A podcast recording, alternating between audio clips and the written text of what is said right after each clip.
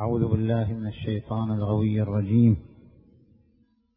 وصلى الله على محمد وآله الطيبين الطاهرين.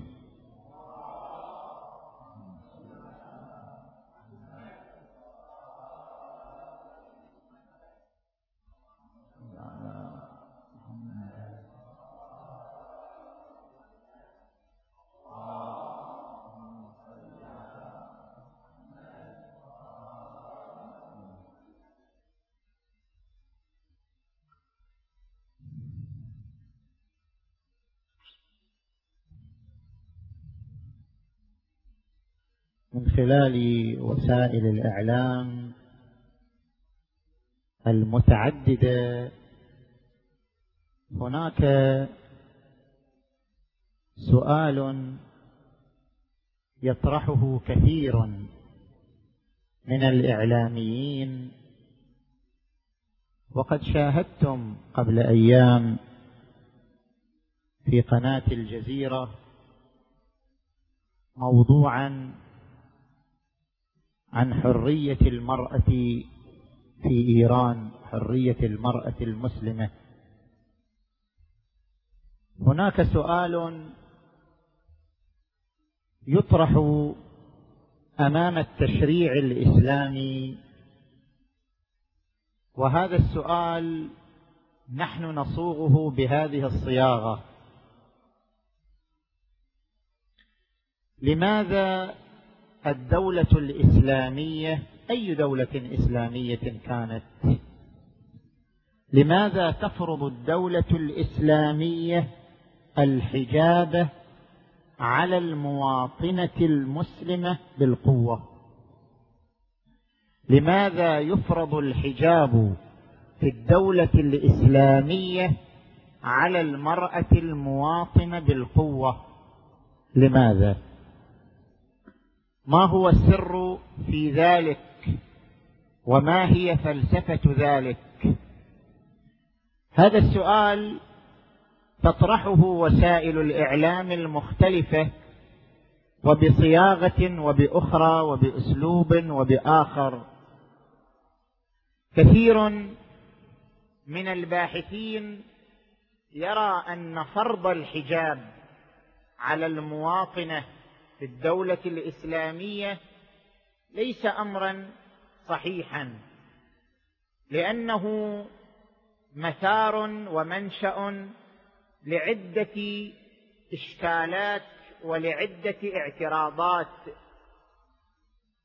الإشكال الأول أن فرض الحجاب بالقوة يتناقض مع مبدأ إنساني تقره جميع القوانين العقلائية وتقره جميع الحضارات الإنسانية.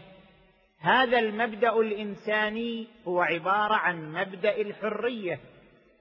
الإنسان خلق حرا فهو حر كيف يعيش كيف يلبس كيف يتعامل مع الحياة. بما أن الإنسان خلق حرا وأعطي مبدأ الحرية من قبل جميع القوانين البشرية ومن قبل جميع الحضارات الإنسانية. اذا مقتضى حريته أن يختار كيف يلبس أن يختار كيفية لباسه وكيفية شكله وكيفية مظهره وبروزه أمام أبناء المجتمع.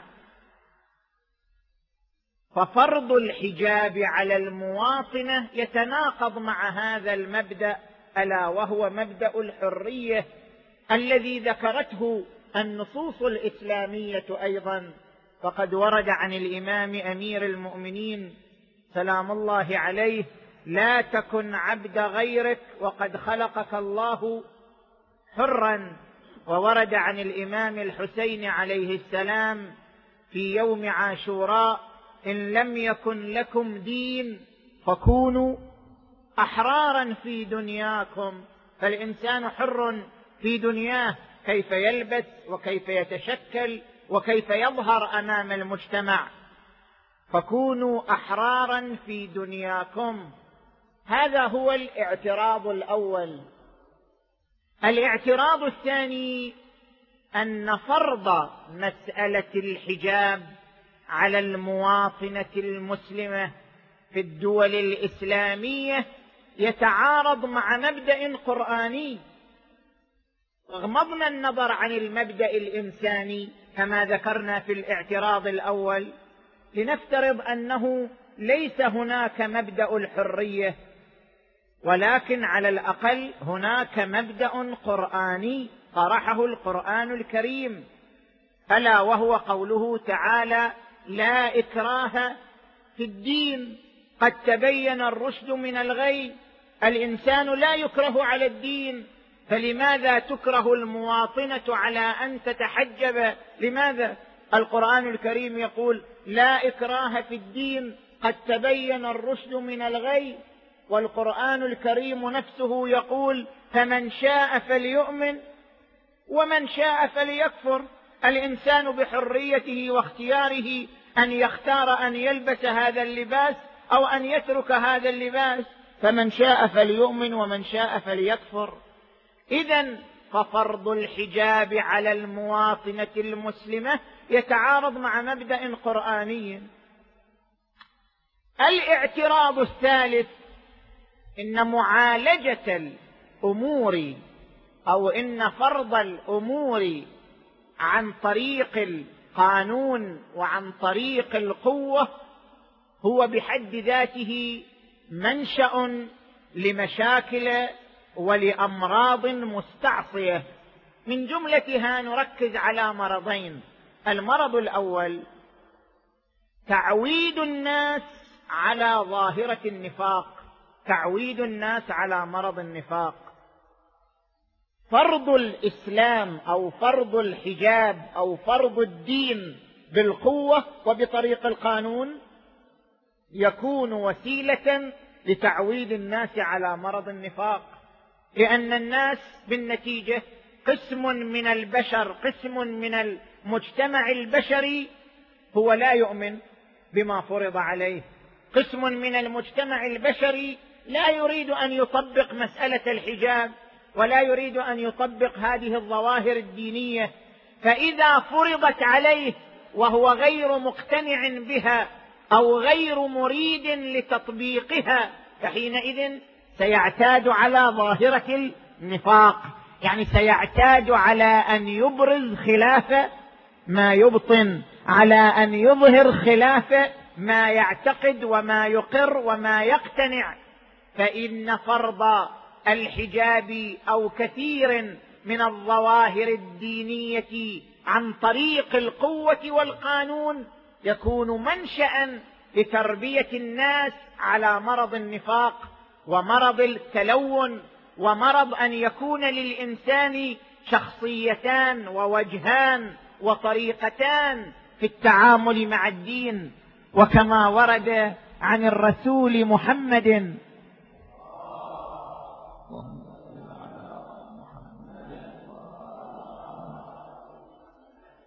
بئس العبد عبد يكون ذا لسانين وذا وجهين يعني مبتلى بمرض النفاق يلقى أخاه يلقى أخاه بالبشر شاهدا ويأكله غائبا. المرض الثاني الذي يتولد عن طريق فرض الدين بالقوة ومنه ومنه مسألة الحجاب.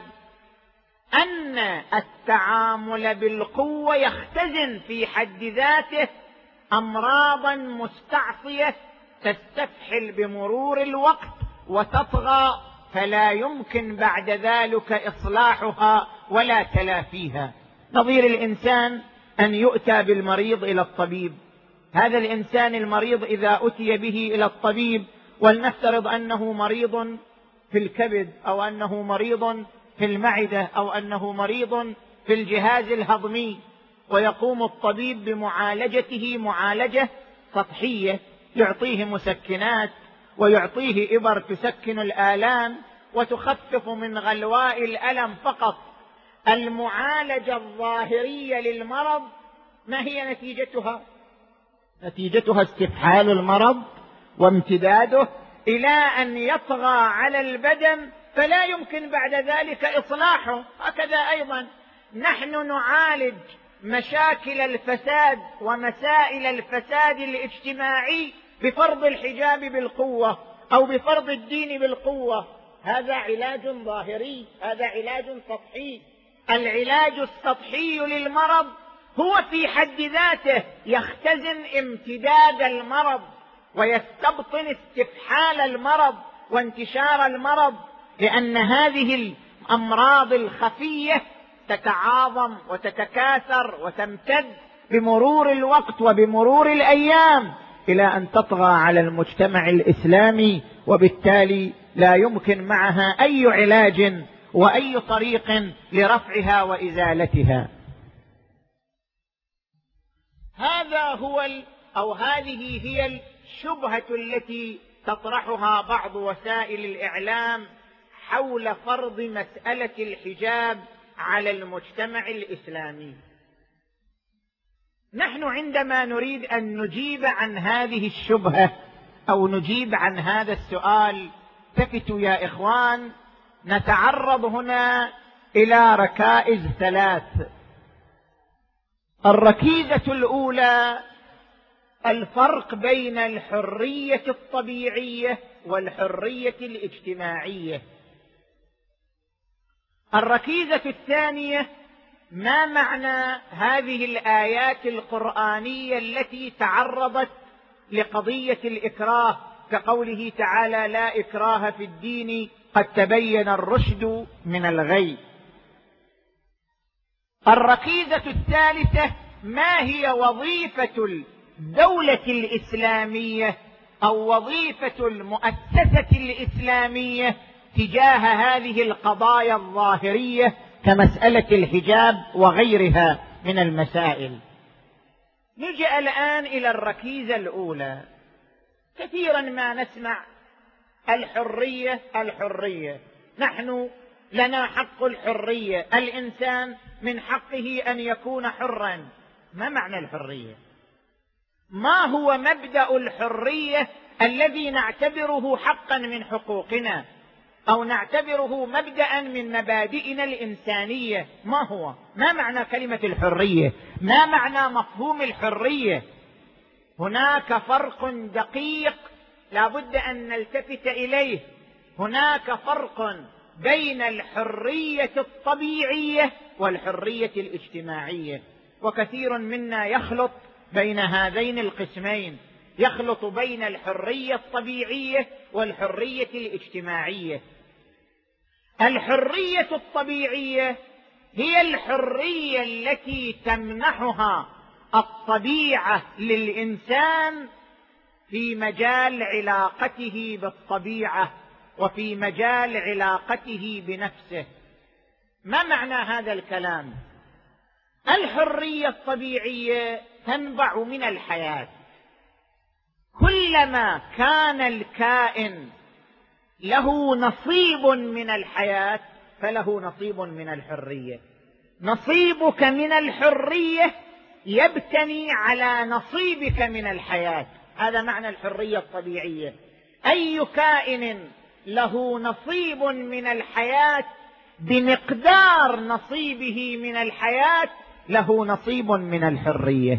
بحدود نصيبه من الحياة له نصيب من الحرية.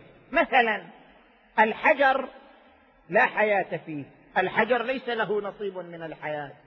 هذا الحجر ليس له نصيب من الحياة. لذلك ليس له نصيب من الحرية. هذا الحجر لا يمكنه أن يتحرك ما لم نحركه نحن. ليس له نصيب من الحرية. لو حركناه لا يمكنه أن يتجاوز الاتجاه الذي حركناه فيه.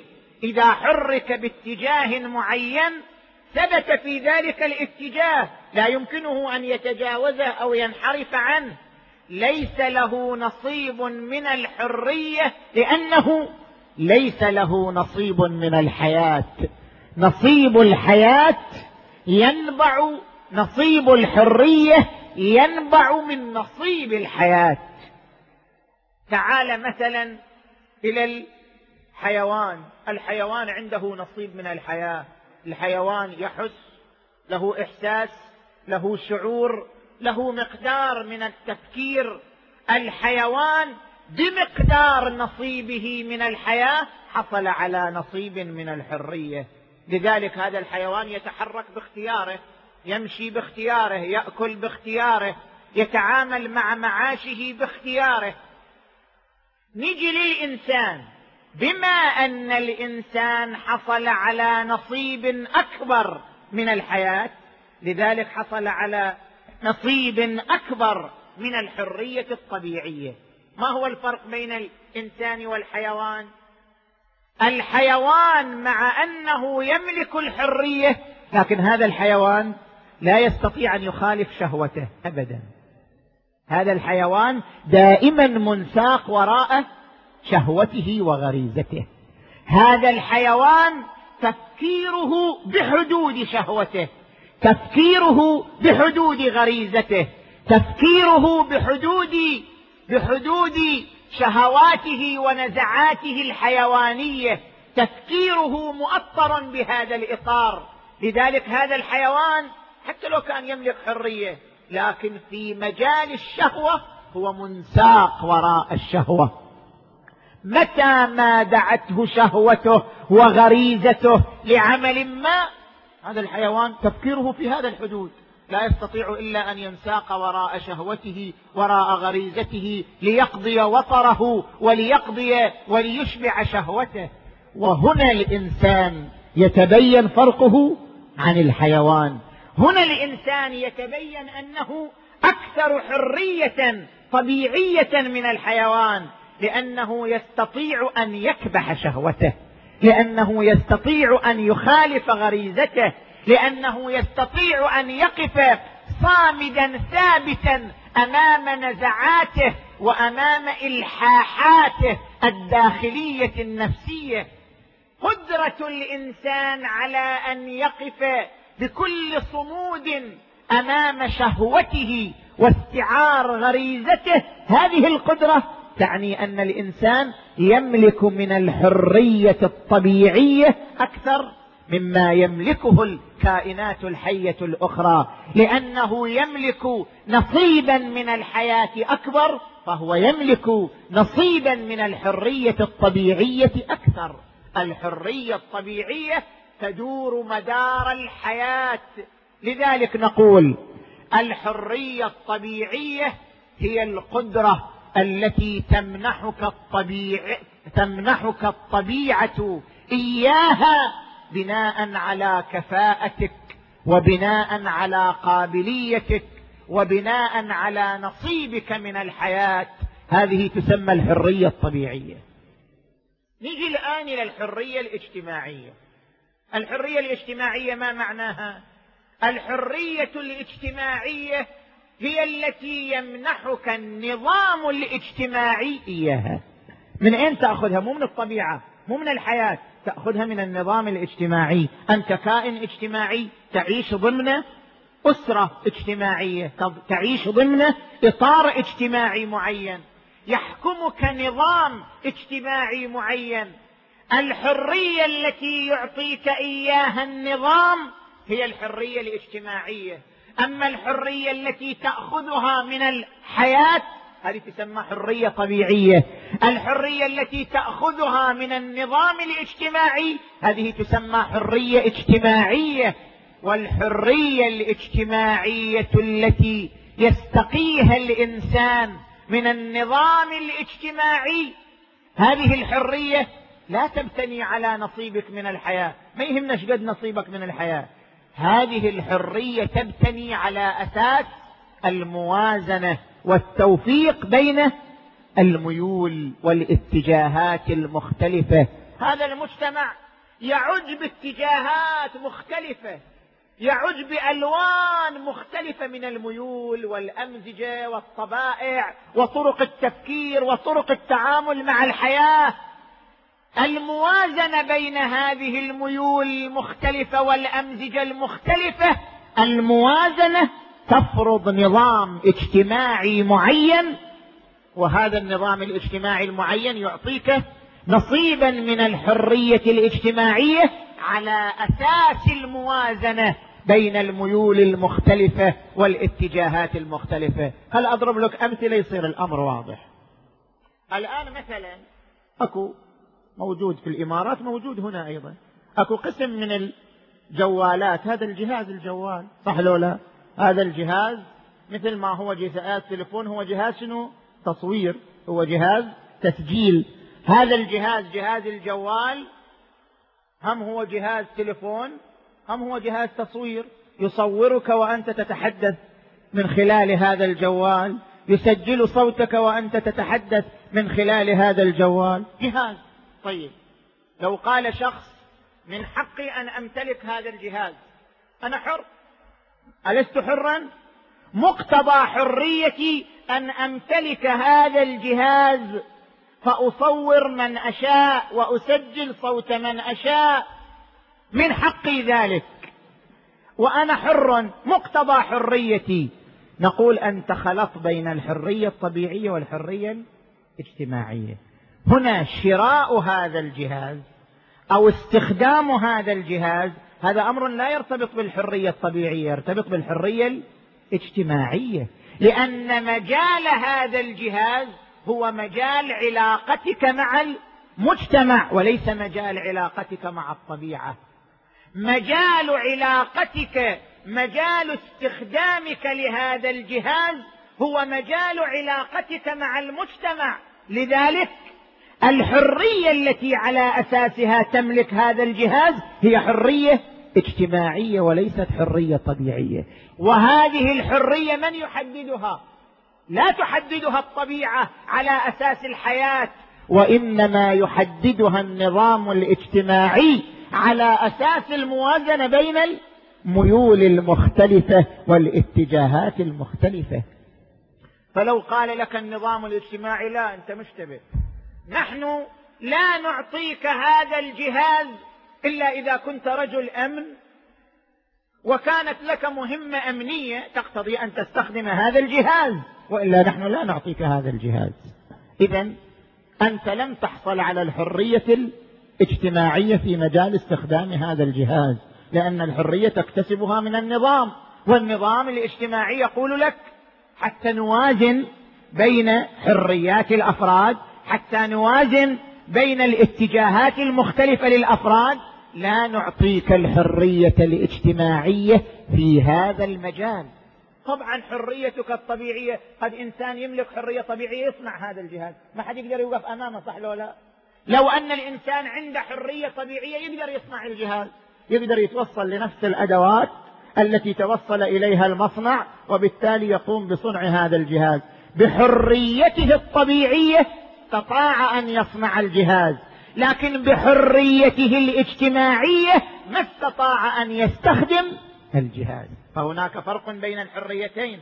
الحرية الطبيعية قد أملكها فأقدر من خلالها على صنع الجهاز لأني أملك وسائل الصنع.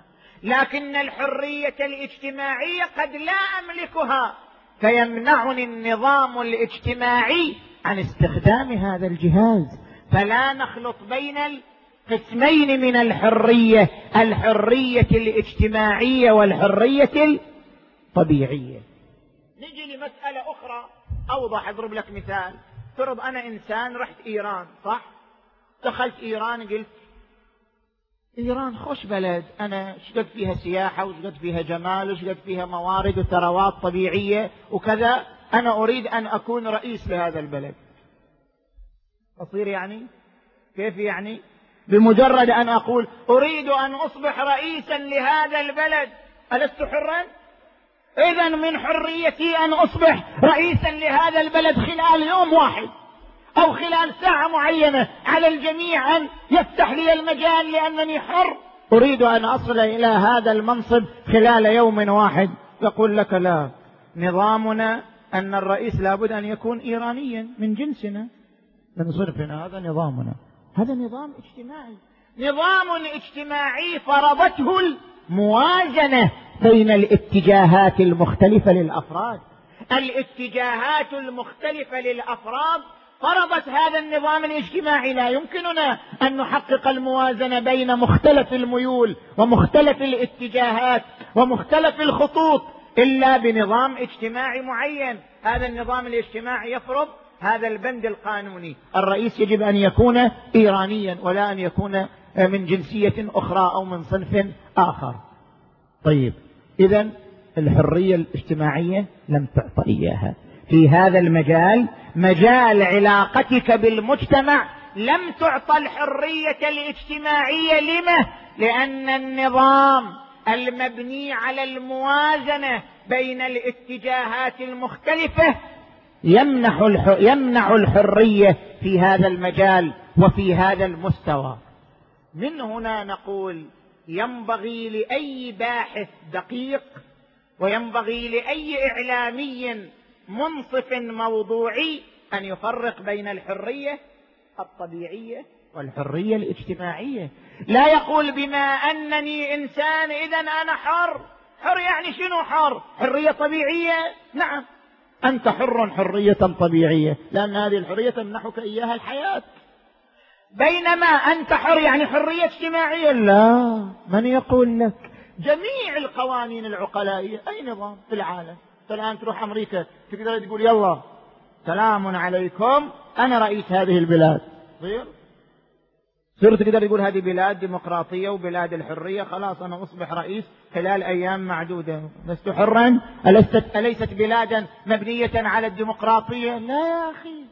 هناك نظام ودستور اجتماعي بني على أساس دراسات بني على أساس تخطيط للتوازن بين المصالح الاجتماعية والاتجاهات الاجتماعية المختلفة لا بد أن تتاثر أنت بإطار هذا الدستور وبإطار هذا النظام.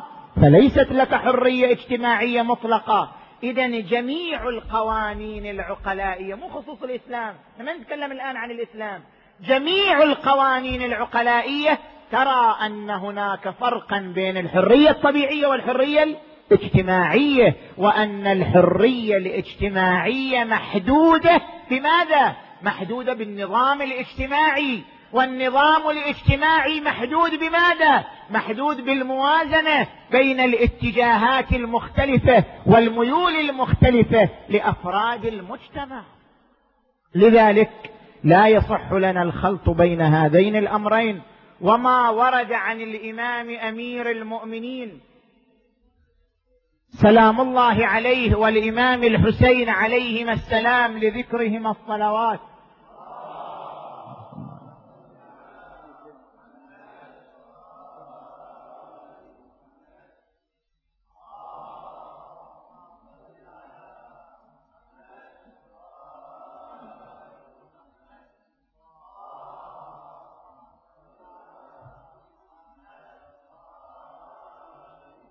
لا تكن عبد غيرك وقد خلقك الله حرا أو إن لم يكن لكم دين فكونوا أحرارا في دنياكم.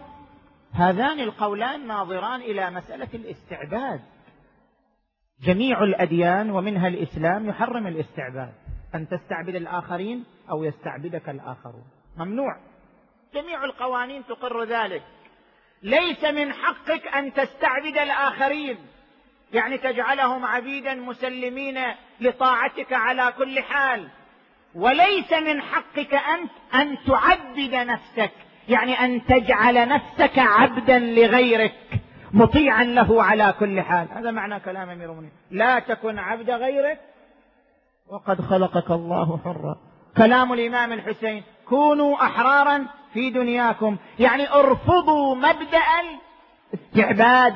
أن يستعبد شخص شخصا أو يعبد شخص نفسه لشخص آخر. مبدأ الاستعباد مرفوض في الإسلام. إن لم يكن لكم دين فكونوا أحرارا في دنياكم. هذه الأقوال ناظرة لرفض مسألة الاستعباد وليست ناظرة إلى أن الإنسان حر في أن يطبق الدين أو لا يطبق الدين. هو حر. لا لا علاقة لهذه الكلمات بالحرية في تطبيق الدين.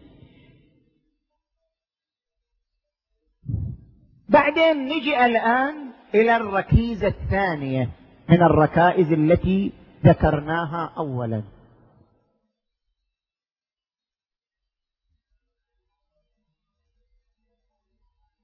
الركيزة الثانية البحث عن تفسير الآيات المباركات التي تقول لا إكراه في الدين قد تبين الرشد من الغي. أو فمن شاء فليؤمن ومن شاء فليكفر. هناك اتجاهان في تفسير الآية المباركة. الاتجاه الأول الذي يطرحه السيد الطباطبائي صاحب الميزان أعلى الله تعالى مقامه.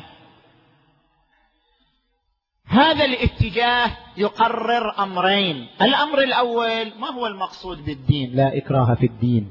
الدين هل هو التدين يعني تطبيق الدين كالصلاة والصوم والخمس والحج؟ هذا يسمى تدينا تطبيق للدين دين عملي.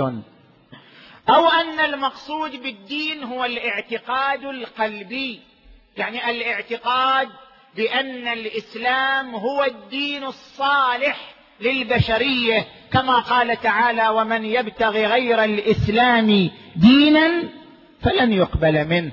الاعتقاد بأن الإسلام هو دين الأرض هو دين البشرية هذا يسمى بالدين الاعتقاد القلبي.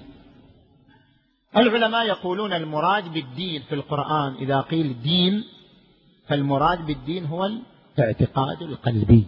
الاعتقاد القلبي بصلاحية الإسلام الاعتقاد القلبي بأن الدين للأرض هو الإسلام هذا الاعتقاد هو الدين. عقد القلب هذا هو الدين.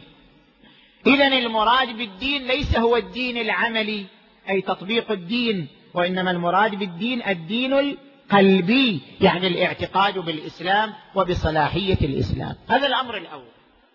الأمر الثاني كلمة لا إكراه جملة خبرية تتحدث عن واقع معين. ما هو هذا الواقع؟ هذا الواقع إما حقيقة تكوينية وإما حقيقة اعتبارية.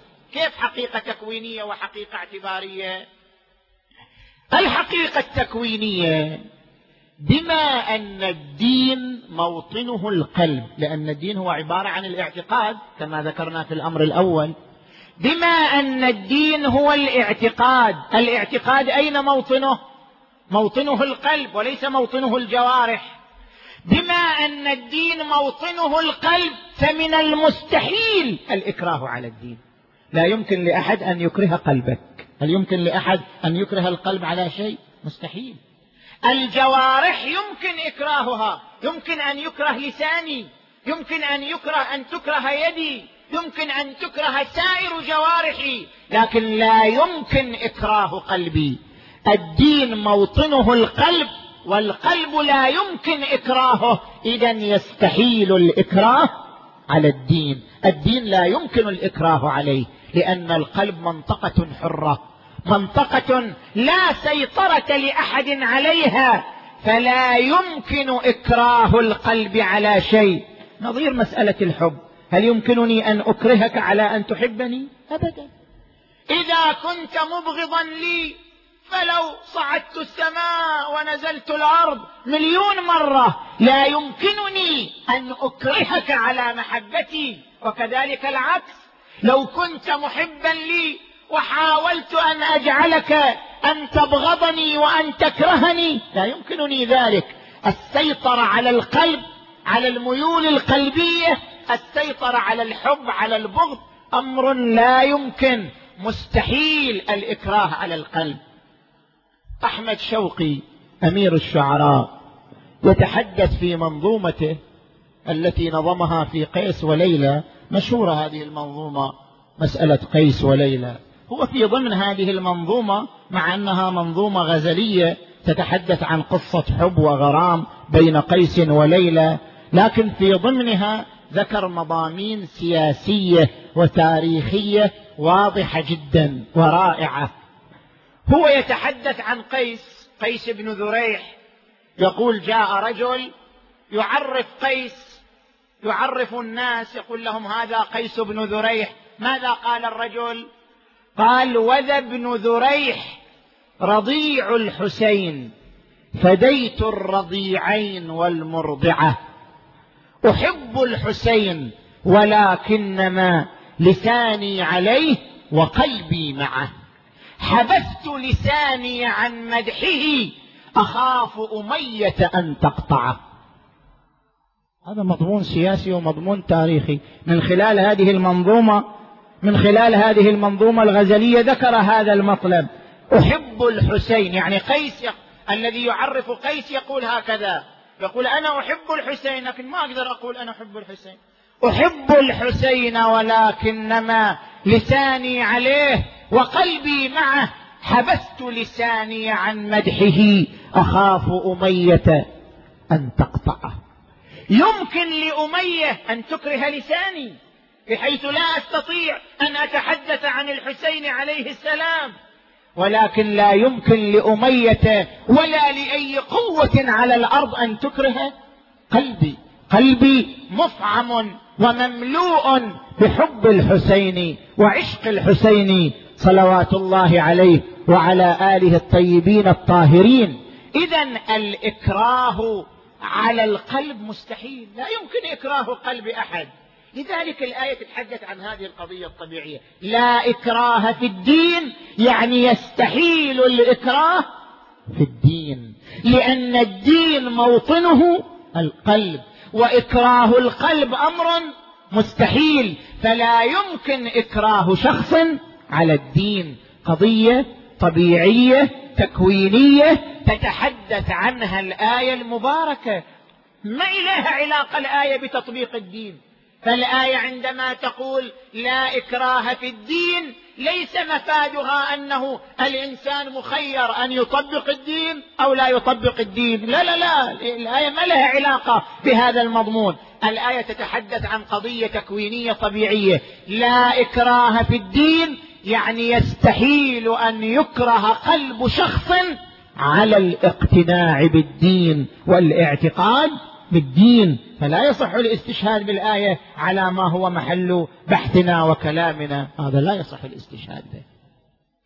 أو نقول كما قال المرحوم المقدس السيد الصدر قدس الله نفسه أن الآية جملة خبرية تتحدث عن أمر اعتباري وهو طبيعة الإسلام.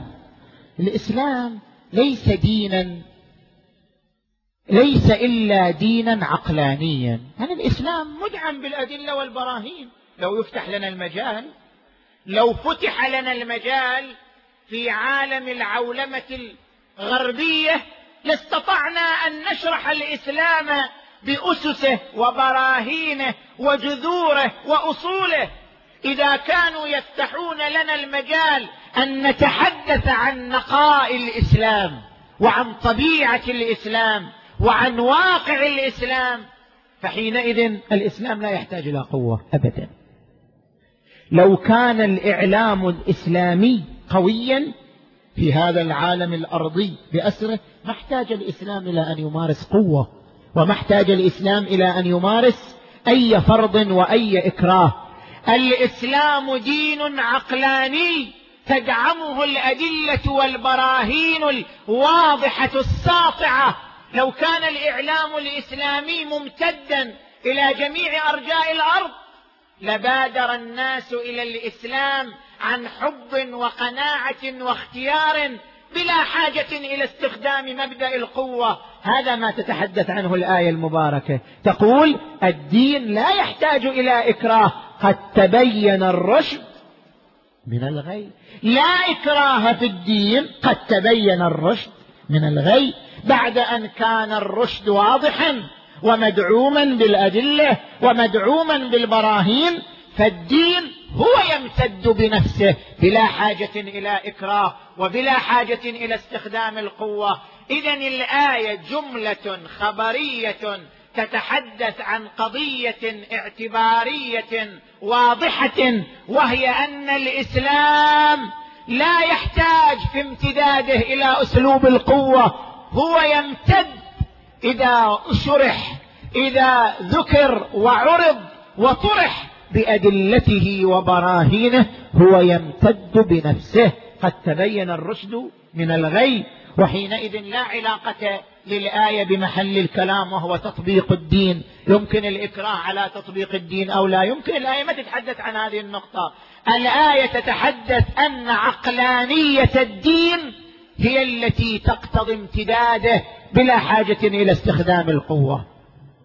التفسير الثاني صلوا على محمد وآل محمد.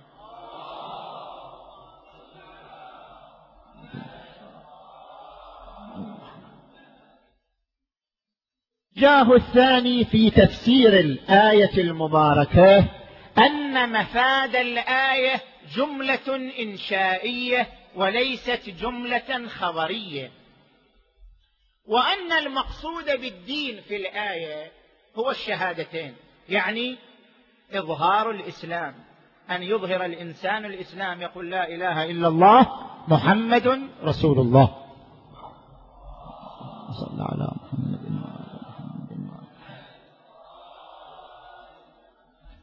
فالمراد بالدين إظهار الشهادتين والمراد بقوله تعالى لا إكراه في الدين جملة إنشائية. يعني لا تكرهوا أحد. الآية تتحدث عن نهي. نهي صادر من الله نهي تشريعي. أيها المسلمون لا تكرهوا أحدا على الدين. يعني لا تكرهوا أحدا على أن يتشهد الشهادتين. لا تكرهوا أحدا على ذلك. إذا كان مفاد الآية هو هذا كما يفهمه كثير من الناس. نجي الآن إلى الجمع بين هذه الآية والآيات الأخرى. يصير أنت تأخذ بآية وتترك الآيات الأخرى. كما ورد عن الإمام علي عليه السلام اضربوا القرآن بعضه ببعض. القرآن لا يمكن تفسيره بالاقتصار على قسم من الآيات وإهمال القسم الآخر. القرآن يفسر بعضه بعضا. فيه آيات محكمات هن أم الكتاب وأخر متشابهات. فأما الذين في قلوبهم زيغ فيتبعون ما تشابه منه ابتغاء الفتنة وابتغاء تأويله. وما يعلم تأويله إلا الله والراسخون في العلم.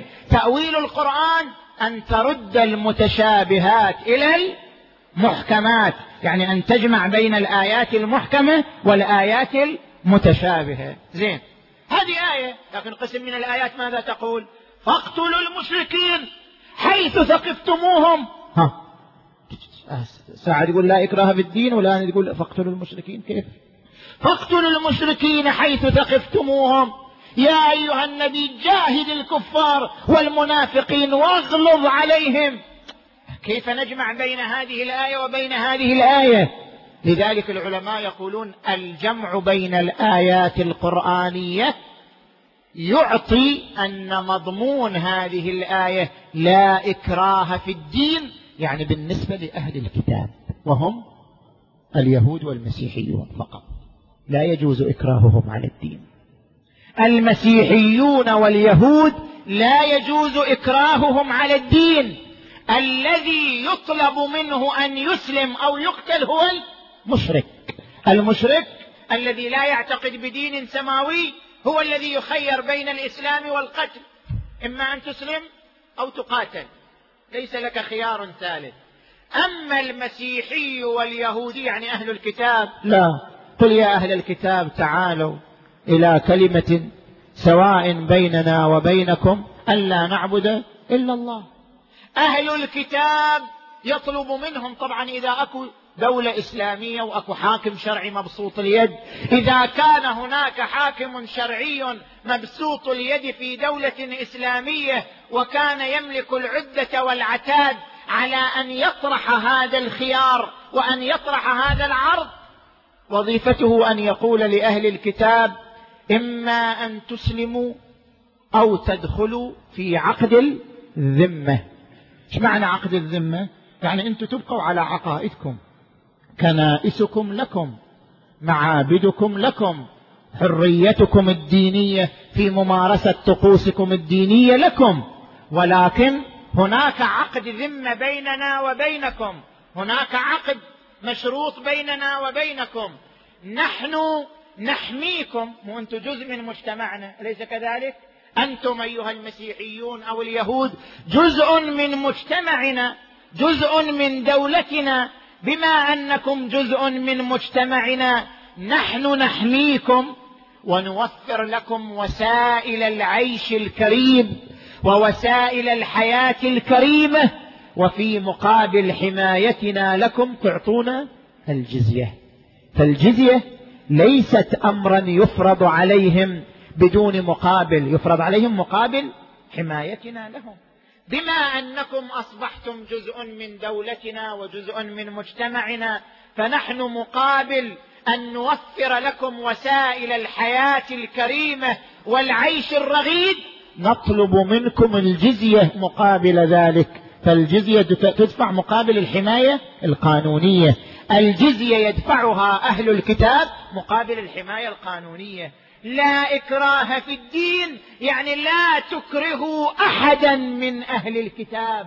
لا تكرهوا أحدا من أهل الكتاب على أن يعتنق الشهادتين. لكن خيروه بين أن يسلم أو يدخل في عقد الذمة. يعني يدخل في المجتمع الإسلامي فتوفر له الدولة الإسلامية حريته الدينية لكن بشرط أن يدفع الجزية مقابل حماية الدولة له. وهذا ترى مو فرض حتى المسلم. الجزية على المسيح كالزكاة على المسلم أكو فرق. يعني لماذا تعتبر أن فرض الجزية على المسيحيين إرهاب وقهر وفرض الزكاة على المسلمين ليس كذلك؟ لا فرق بينهما. المسيحي ما يدفع زكاة يدفع جزية. المسلم ما يدفع جزية يدفع زكاة. لا فرق بينهما. الجزية على المسيحي واليهودي كالزكاة على المسلم تماما. الدولة الإسلامية تملك خزينة بيت المال تملك الثروات الطائلة. تقول الدولة الإسلامية هذه الثروات الطائلة في بيت المال هي لجميع المسلمين. في مقابل توفيرنا هذه الخزائن في مقابل توفير هذه الثروات لجميع المسلمين وحماية جميع الموجودين في المجتمع الإسلامي نأخذ على المسلمين زكاة ونأخذ على أهل الكتاب شنو؟ جزية هذا ليس من باب الإرهاب وليس من باب التعامل بالقوة اطلاقا اذا الآية المباركة عندما تتحدث عن هذه النقطة لا إكراه في الدين أي لا تكرهوا أهل الكتاب على إعلان الشهادتين إما أن يعلن الشهادتين وإما أن يدخلوا في عقد الذمة. لذلك الآية لا ربط لها بمحل الكلام وهو هل الإنسان المسلم حر في تطبيق الدين أو ليس حرا؟ الآية لا علاقة لها بمحل كلامنا كي يستدل بها على الحرية في تطبيق الحجاب وعدم تطبيقه. اذا يا إخوان فهمنا من الركيزتين السابقتين أنه لا يصح لأحد أن يقول لماذا يفرض على المواطنة أن تلبس الحجاب؟ لماذا يفرض؟ مع أن الله خلقها حرة فهي حرة في لباسها. وحره في طريقة عيشها. نقول هناك ركيزتان لا بد أن تفهمها. الركيزة الأولى أنك خلطت بين الحرية الطبيعية والحرية الاجتماعية. لبس الحجاب وعدم لبسه أمر يرتبط بالحرية الاجتماعية ولا يرتبط بالحرية الطبيعية. هذا نظير إنسان يقول ما دام حر اذا من حقه أن يخرج إلى الشارع عاري. يصير؟ لو قال انسان هالشكل شنو الفرق؟ أي فرق بينهما؟ هذه المرأة المسلمة تقول بما أنها حرة إذا من حقها أن تخرج بلا حجاب. يجيك إنسان آخر يقول بما أنه حر إذا من حقه أن يخرج عاريا في الشارع. صح لو لا؟ هو أي فرق بين بين الطرحين؟ واي فرق بين الكلامين؟ واي فرق بين الصورتين؟ ابدا لا فرق. فماذا يقال له؟ لو قال أنه حر وحريته تقتضي أن يخرج إلى الشارع عاريا وأن يمارس سوقه وتجارته موظف في البنك يجي عاري.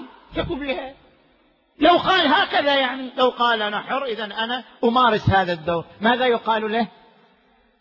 يقال هذا ليس حرية طبيعية هذه حرية اجتماعية. يعني حرية في مجال العلاقة مع المجتمع. والحرية الاجتماعية يحددها النظام الاجتماعي والنظام الاجتماعي من أجل الموازنة بين الأفراد المختلفين في توجهاتهم وميولهم. النظام الاجتماعي يرفض عليك أن تستر عورتك. النظام الاجتماعي يفرض عليك كمواطنة مسلمة تعيشين في إطار المجتمع الإسلامي النظام الاجتماعي يفرض عليك أن تلبسي الحجاب الحرية في هذا المجال حرية اجتماعية يمنحك النظام إياها على أساس الموازنة بين ميول الأفراد واتجاهات الأفراد. وليس هذا من الحرية الطبيعية في شيء. الركيزة الثانية ما يصح لك تستدل لا إكراه في الدين قد تبين الرشد من الغي. ما يصح لك أن تستدل به. الآية لا علاقة لها على كلا التفسيرين وعلى كلا الاتجاهين. الآية لا علاقة لها بمحل الكلام ألا وهو الحرية في تطبيق الدين. نجي إلى الركيزة الثالثة أتعرض إليها باختصار. الدولة الإسلامية أو المؤسسة الإسلامية. لها وظيفتان. وظيفة الردع ووظيفة الوقاية. يعني لا بد أن تقوم بمؤسستين. مؤسسة الأمر بالمعروف والنهي عن المنكر ومؤسسة التربية. هناك مؤسستان. مؤسسة تربوية ومؤسسة النهي عن المنكر والأمر بالمعروف. ما هي وظيفة هاتين المؤسستين؟ المؤسسة الأولى وهي مؤسسة الأمر بالمعروف والنهي عن المنكر. وظيفتها والهدف منها هو الردع عن التجاهر بالمعصية والتجاهر بالرذيلة. لما؟ لأن المجاهرة بالمعصية والرذيلة يوجب انتشار الرذيلة. ويوجب امتداد الرذيلة. كثير من الناس غافلون عن المعصية لكن إذا رأوا الناس يتجاهرون بها انجروا إليها. هذا شيء طبيعي في المجتمع. المجتمع طبيعته المحاكاة. اقرأ أنت في علم الاجتماع. من خواص المجتمع أن طبيعته المحاكاة. مجتمع يقلد بعضه بعضا يقلد بعضه يحاكي بعضه بعضا. خلها تجي موضة للمجتمع. من أول يوم تجي الموضة يبدأ المحاكاة والتقليد من حيث لا يشعر أبناء المجتمع. طبيعة المجتمع أي مجتمع هو المحاكاة؟ فإذا سمحنا لأي شخص قلنا أنت وإن كنت مسلم لكن من حقك أن تتجاهر بالمعصية. التجاهر بالمعصية نتيجته امتداد المعصية. وانتشار الرذيلة لأن طبيعة المجتمع المحاكاة والتقليد. وبالتالي نحن مضطرون إلى أن نؤسس مؤسسة الأمر بالمعروف والنهي عن المنكر لمنع امتداد المعصية لمنع امتداد الإثم لمنع امتداد الرذيلة. ولتكن منكم أمة يدعون إلى الخير ويأمرون بالمعروف والنهي عن المنكر. اذا وينهون عن المنكر. اذا مؤسسة الأمر بالمعروف والنهي عن المنكر ضرورية لمنع امتداد المعاصي. طيب. نيجي لمؤسسة ثانية. ما يكفي أن نمنع الناس ما لم نربيهم؟ لا يكفي الرادع الخارجي بل الناس يحتاجون إلى الرادع الداخلي. إيجاد الرادع الخارجي عن المعصية ليس كافيا. لو اقتصرنا على الرادع الخارجي لجاء الاعتراض الذي اعترضه بعض وسائل الإعلام. الاكتفاء بمعالجة الأمور بالقوة تعني انتشار مرض النفاق أليس كذلك؟ تعني انتشار مرض استفحال المعصية. استفحال المرض لا.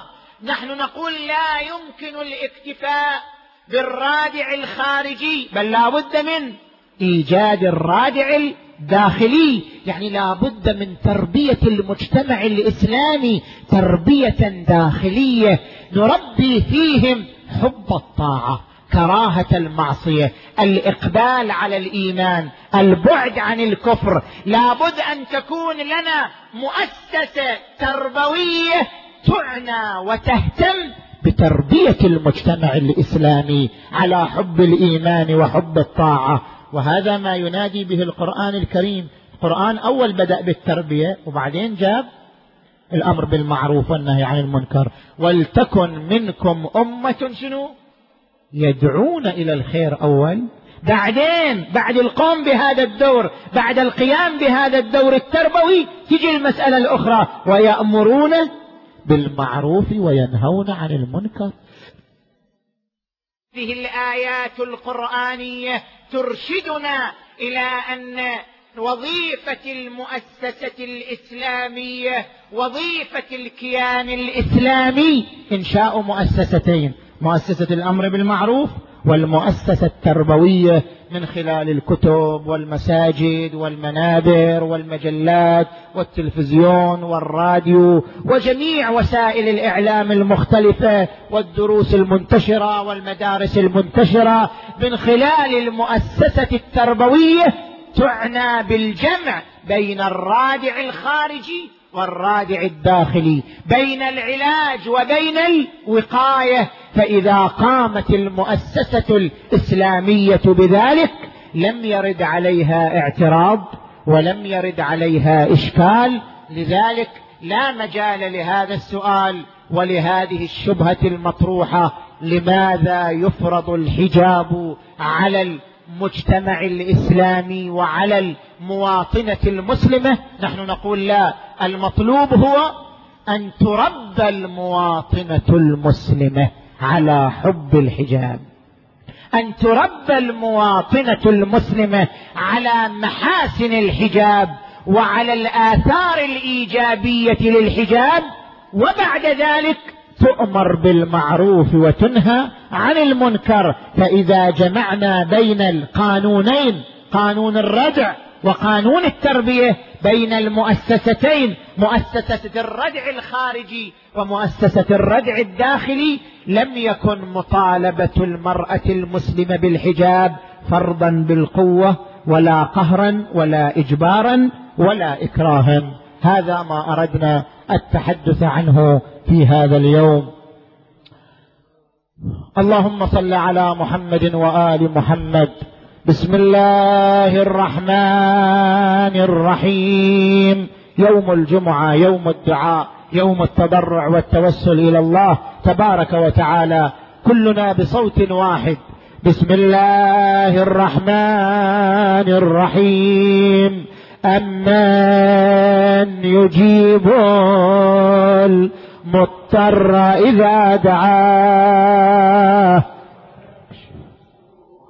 أمن يجيب المضطر إذا دعاه.